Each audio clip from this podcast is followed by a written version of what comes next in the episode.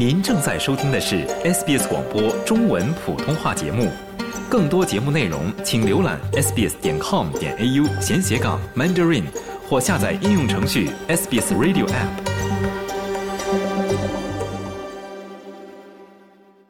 听众朋友们，大家好，您现在正在收听的是闲话澳洲，我是雨夜。那今天呢，我们要来和大家说一个相对于来说比较凝重的话题，那就是家暴。那今天呢，我们请到的还是特约嘉宾 Helen Lewis，我们来一起和大家说一说在澳洲家暴的定义，以及在澳洲如果是看到和家暴相关的报道，我们应该如何以一个清醒的态度去了解其中的一些用词，以及媒体对家暴报道方面的一些表态。那我们还是先来和 Helen 打一个招呼，Helen 您好，雨夜你好，听众朋友们大家好。嗯，Helen，今天我们这个话题和之前录过的节目来比，相对来说是比较严肃的一个话题啊。那不知道大家还记不记得两年前轰动一时的一起家暴案件呢？那在二零二零年的九月十四日，在中国是小有名气的网红一个藏族的博主拉姆呢，他在家中直播的时候，他的前夫唐璐呢是骑摩托车到他家中呢，将他砍伤之后浇上汽油焚烧，导致拉姆全身是百分之九十烧伤。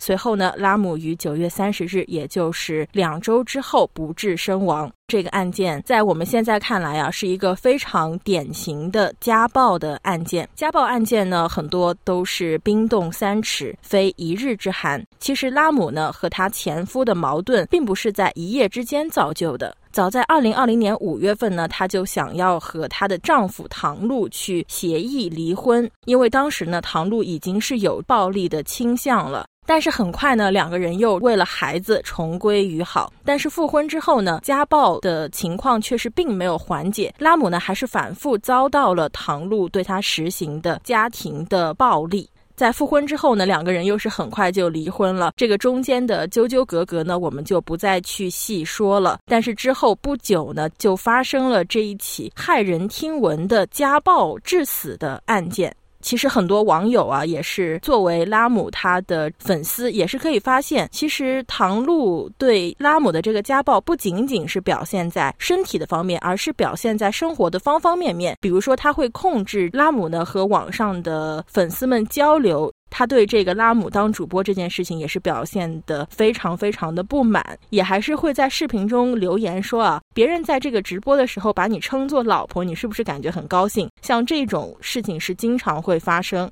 那这一起骇人听闻的家暴案件呢，终于于二零二二年的七月二十三日尘埃落定。中国四川省的中级人民法院呢，是对唐璐，也就是故意杀人犯，是处以死刑。那虽然现在呢，我们心里也是有了一点着落啊，因为这个犯罪分子已经是伏法了。但是这起相信很多听众朋友们还是记得的家暴案件引发的悲剧呢，在这个拉姆孩子和他们的家人心中留下的这个阴影呢，可能。也是永远不会随着时间消逝了。那我们生活在澳大利亚呢？可能有的听众朋友们会觉得家暴其实离我们很遥远，但其实也不是这样的。那可不可以请 Helen 给我们来分享一下在澳洲的一些家暴的数据呢？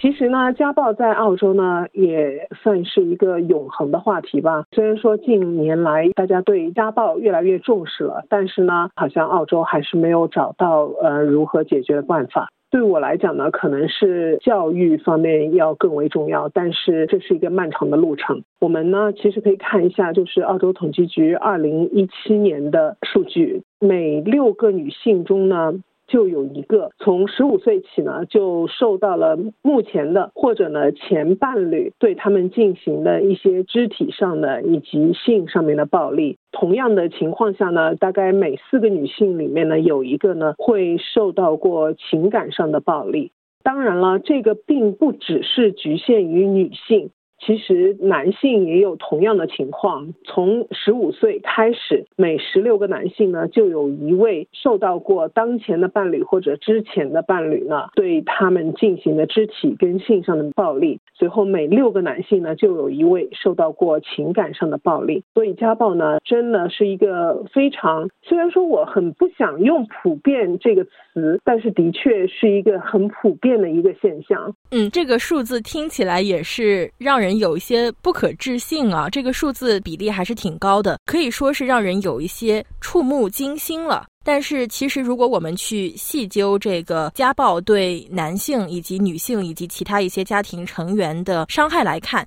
其实这个伤害也是非常显著的。那我们就拿伴侣之间的家暴问题来说，其实，在澳洲呢，每年都会有女性啊以及男性，他是因为家暴而失去了自己的生命。那不知道哈伦有没有听说过，在澳洲还算是小有名气的一个脸书的一个主页吧？它是叫做 Destroy the Joint。对，听说过 Destroy the Joint 呢？它是一个呃 feminist group，澳大利亚的一个女权组织。之所以取这个名字呢，就是 joint，其实它是一个澳洲俗语，它指的呢就是这个场所一个地方。随后呢，我不知道大家知不知道，悉尼的大家可能听到就是 2GB。他有一个那个时候呢，说是金话筒，他呢叫 Shock Jock，就是专门就是说出一些言论来让大家感到愤怒的义愤填膺的那个主持人叫 Alan Jones。随后呢，那个时候在那个吉拉德当澳洲总理的时候呢，他就说哦，All these women were destroying the joint，就是。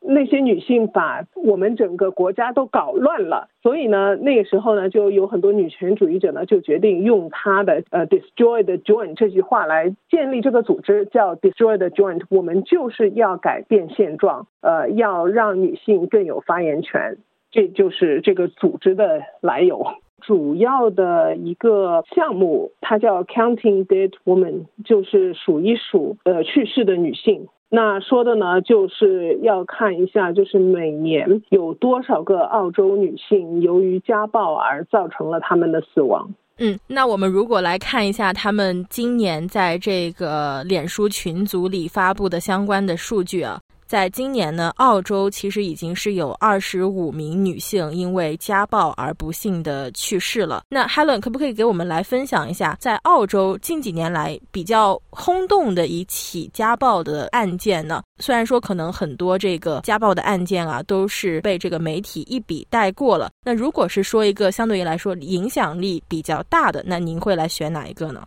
呃，一下子就可以想起来的呢，就是呃，昆州的一个叫 Hannah Clark 的女性。澳洲人很多，如果是结婚的话，就随夫姓嘛。其实呢，在她结婚之后呢，她就叫 Hannah Baxter，因为她的丈夫呢叫 Rowan Baxter。随后呢，她的丈夫就是因为家暴的问题呢，将她和她的孩子就先泼汽油点燃了家里的那个车，随后呢去杀了他们的孩子。Hannah 自己呢，在救孩子的过程中也是大面积烧伤，最后就去世了。随后她的丈夫呢，就等于是自杀了，所以是一个非常惨烈的一个情况。但为什么现在提到她都提 Hannah Clark 呢？因为 Hannah Clark 是她的本名，所以呢，他们的家人呢就不希望再用她的夫姓。这样的话，就不要把她禽兽不如的这样一个丈夫再跟她的名字连接在一起。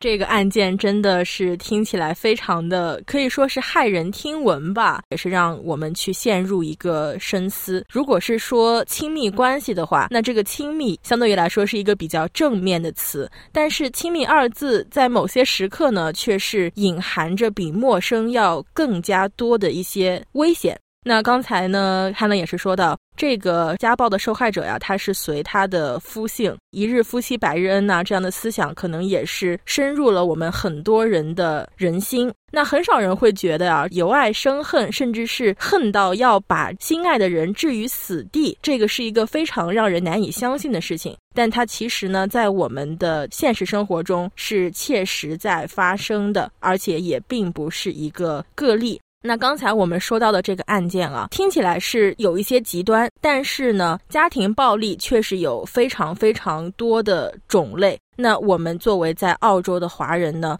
有不少人呢，其实在生活中是面临着家庭暴力，但是却不自知的。那 Helen 可不可以来给我们说一下，在澳洲家庭暴力的定义，它到底是什么呢？是不是只限于我们平常所说的夫妻或者是伴侣的关系呢？呃，其实并不是只是夫妻或者伴侣，任何家庭成员或者呢是受照顾的人，如果承受到暴力的话呢，那他都属于家庭暴力。所以呢，就可能是父母对孩子施暴，这也是家庭暴力。夫妻之间呢，当然就更不用说了。或者呢，就是如果照顾你的人向你施暴，这也是家庭暴力。所以，家庭暴力它的概念就是还是非常宽泛的。而且呢，因为以前呢，如果是受害人，那我们就叫 victim 嘛，呃，受害者。但是其实现在呢，他们已经把他们称为就是 affected family member，这是受到家暴影响的家庭成员。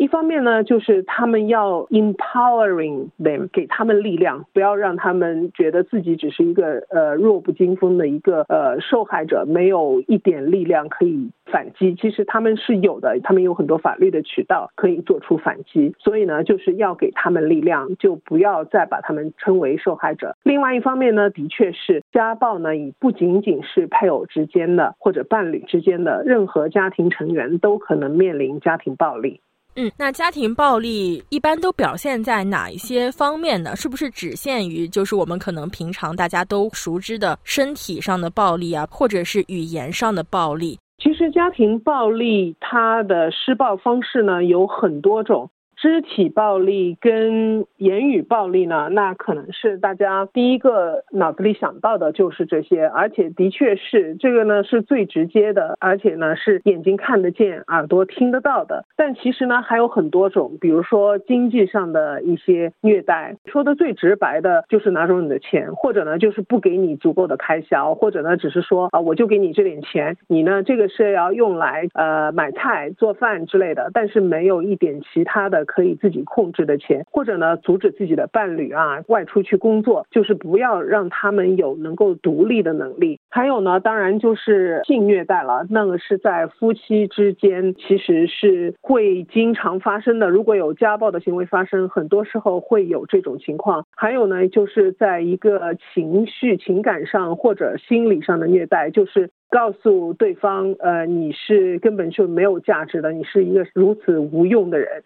让对方呢就感到羞耻，就是贬低对方吧。呃，还有呢，就是比如说一方施暴者呢是有澳洲的永居啊，或者澳洲的公民啊，他就可能会对对方说，如果你不这样这样那样，我就是威胁要把你赶回中国去，赶回国内去，这也是属于一种暴力，因为是一种心理上的虐待。还有呢，就是呃文化跟精神上的虐待啊，以及社交上的虐待，就比如说控制你。不能见谁谁谁，你不能跟这些朋友交往。随后呢，你不能去上社交媒体，或者呢监督你上社交媒体。总之呢，一般来讲，家暴的施暴者有一个共性呢，他们有一个非常强的一个占有欲跟嫉妒心吧。就比如说嘛，我们刚才提到的那个 Hannah Clark 那个案例，就是因为她的前夫是有一个非常强的占有欲，他不能够接受，就是他的妻子会带着三个孩子违背他的意愿，所以他才会做出这么极端的事情。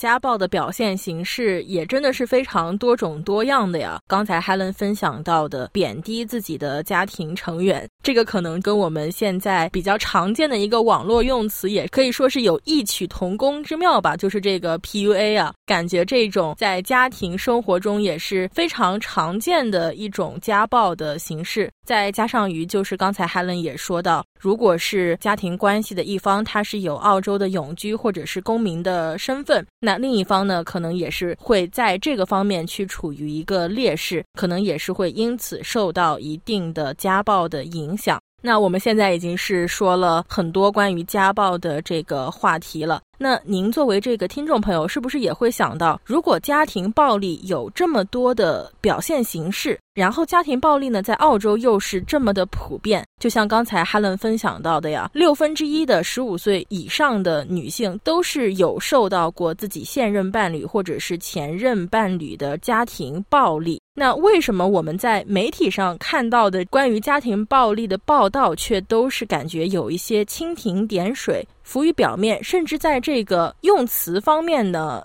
都是有一些怪怪的。那说到这儿呢，我们可能不得不要提到一个相对于来说是一个比较学术的词呀，那就是“好人报道”。不知道 Helen 有没有听说过这一个术语呢？对，He's a good guy. He is such a good guy. 他是真的是一个好人，简直不敢想象他能够做出这种事。说这个话的人，潜意识里呢，还是在为这个人呃找借口。所以我觉得这个报道真的是非常片面吧，而且就是有一点 victim blaming，就是有点怪罪受害者的一种倾向。嗯，那不知道大家记不记得，在今年五月份的时候，发生了一起可以说是轰动华人圈的一个案件吧？迪肯大学的一名讲师，他是杀害了自己的华人的妻子。如果我们现在呢去看一看当时的媒体报道，去看一看各个公众号以及各个当地的媒体所做的报道，以及他们所做的翻译，就不难看到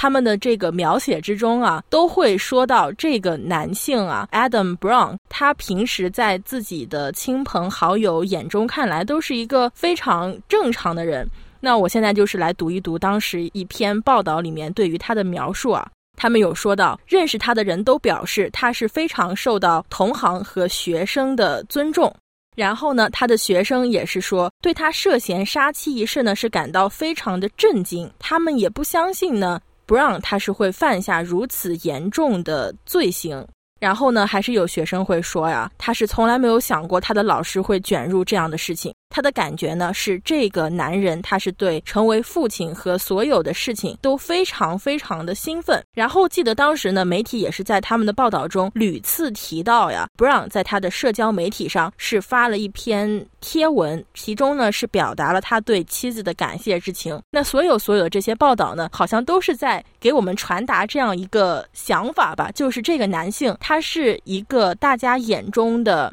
好人，但是呢，他却是犯下了这种让很多身边的人都难以理解，甚至是觉得难以接受的这样一种罪行。那如果您看到这个报道的时候，您会想的是什么呢？是不是这个只是一个非常偶然的事件？只是这个人他忽然想不开了，或者是这个女性忽然是做了一些让他不开心的事情，所以才造成了这样的一种悲剧。那这就是我们所说的一个好人的报道，把这个家暴的案件以及这个受害者被杀害的这个事实给边缘化，却是把施暴人放在当中去给他做一个开脱。那如果大家是平时在看到这种报道的时候，也是要留一个心，不要被这个媒体在报道这种相关案件的方面。的一些表述的方法，或者是他们的叙事手段去左右，因为这样呢，对被害者来说其实是另外的一次伤害。那 Helen，其实呢，在澳洲媒体上，大家对这种现象也是有一定的观察和理解的。那可不可以给我们来分享一下 The Conversation 给人有启发的一个研究吧？其中也是对这种现象做出了一些相关的观察和发现。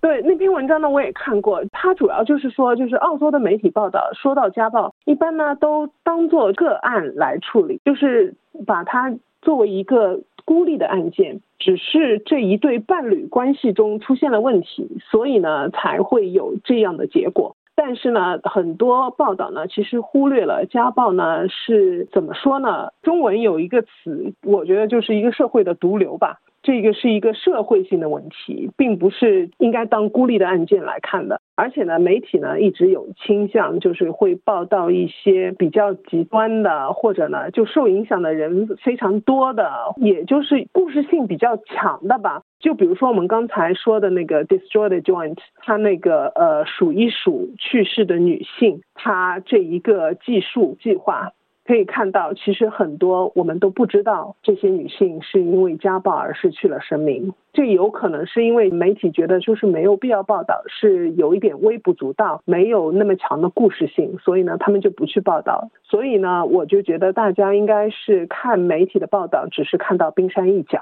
嗯，看到的只是冰山一角，那其实隐藏在这个水面之下的，却是我们很多人都没有看到的一些家庭暴力的案件啊。所以大家平时呢，如果是看到相应的报道呢，也是要多留一份心，要注意一下，不要被媒体的叙事所干扰到，而是要以自己的判断去把家暴当做是一个系统性的，就像是 Helen 所说的社会的毒瘤来看待。因为怎么说呢？家暴无小事，它伤害的呢不仅是一个家庭，更是我们所在的澳大利亚的社会。那可能呢，今天我们这个话题也是比较严肃和沉重啊，但是呢，我们也是希望听众朋友们可以从中去得到一些启发，在日常如果是遇到相关的事件，或者是您身边的人遇到相关的事件呢，一定是要勇于发声，不要再让它成为冰山下所看不到的那一部分。那今天呢，我们也是非常感谢 Helen 带来的分享。在之后的闲话澳洲的节目之中呢，我们也是会和大家来继续探讨有关于家暴的问题，以及在澳洲遇到家暴的情况，我们应该去如何的向外界寻求帮助。那今天呢，也是非常的感谢 Helen。嗯，谢谢雨，谢谢听众朋友。想在 SBS 当一回影评人吗？SBS On Demand 正在推送配有中文字幕的热门影视作品，您只需观看一部或以上影视作品，并把影评观后感发给我们，就有机会赢得一份 SBS 精美礼品。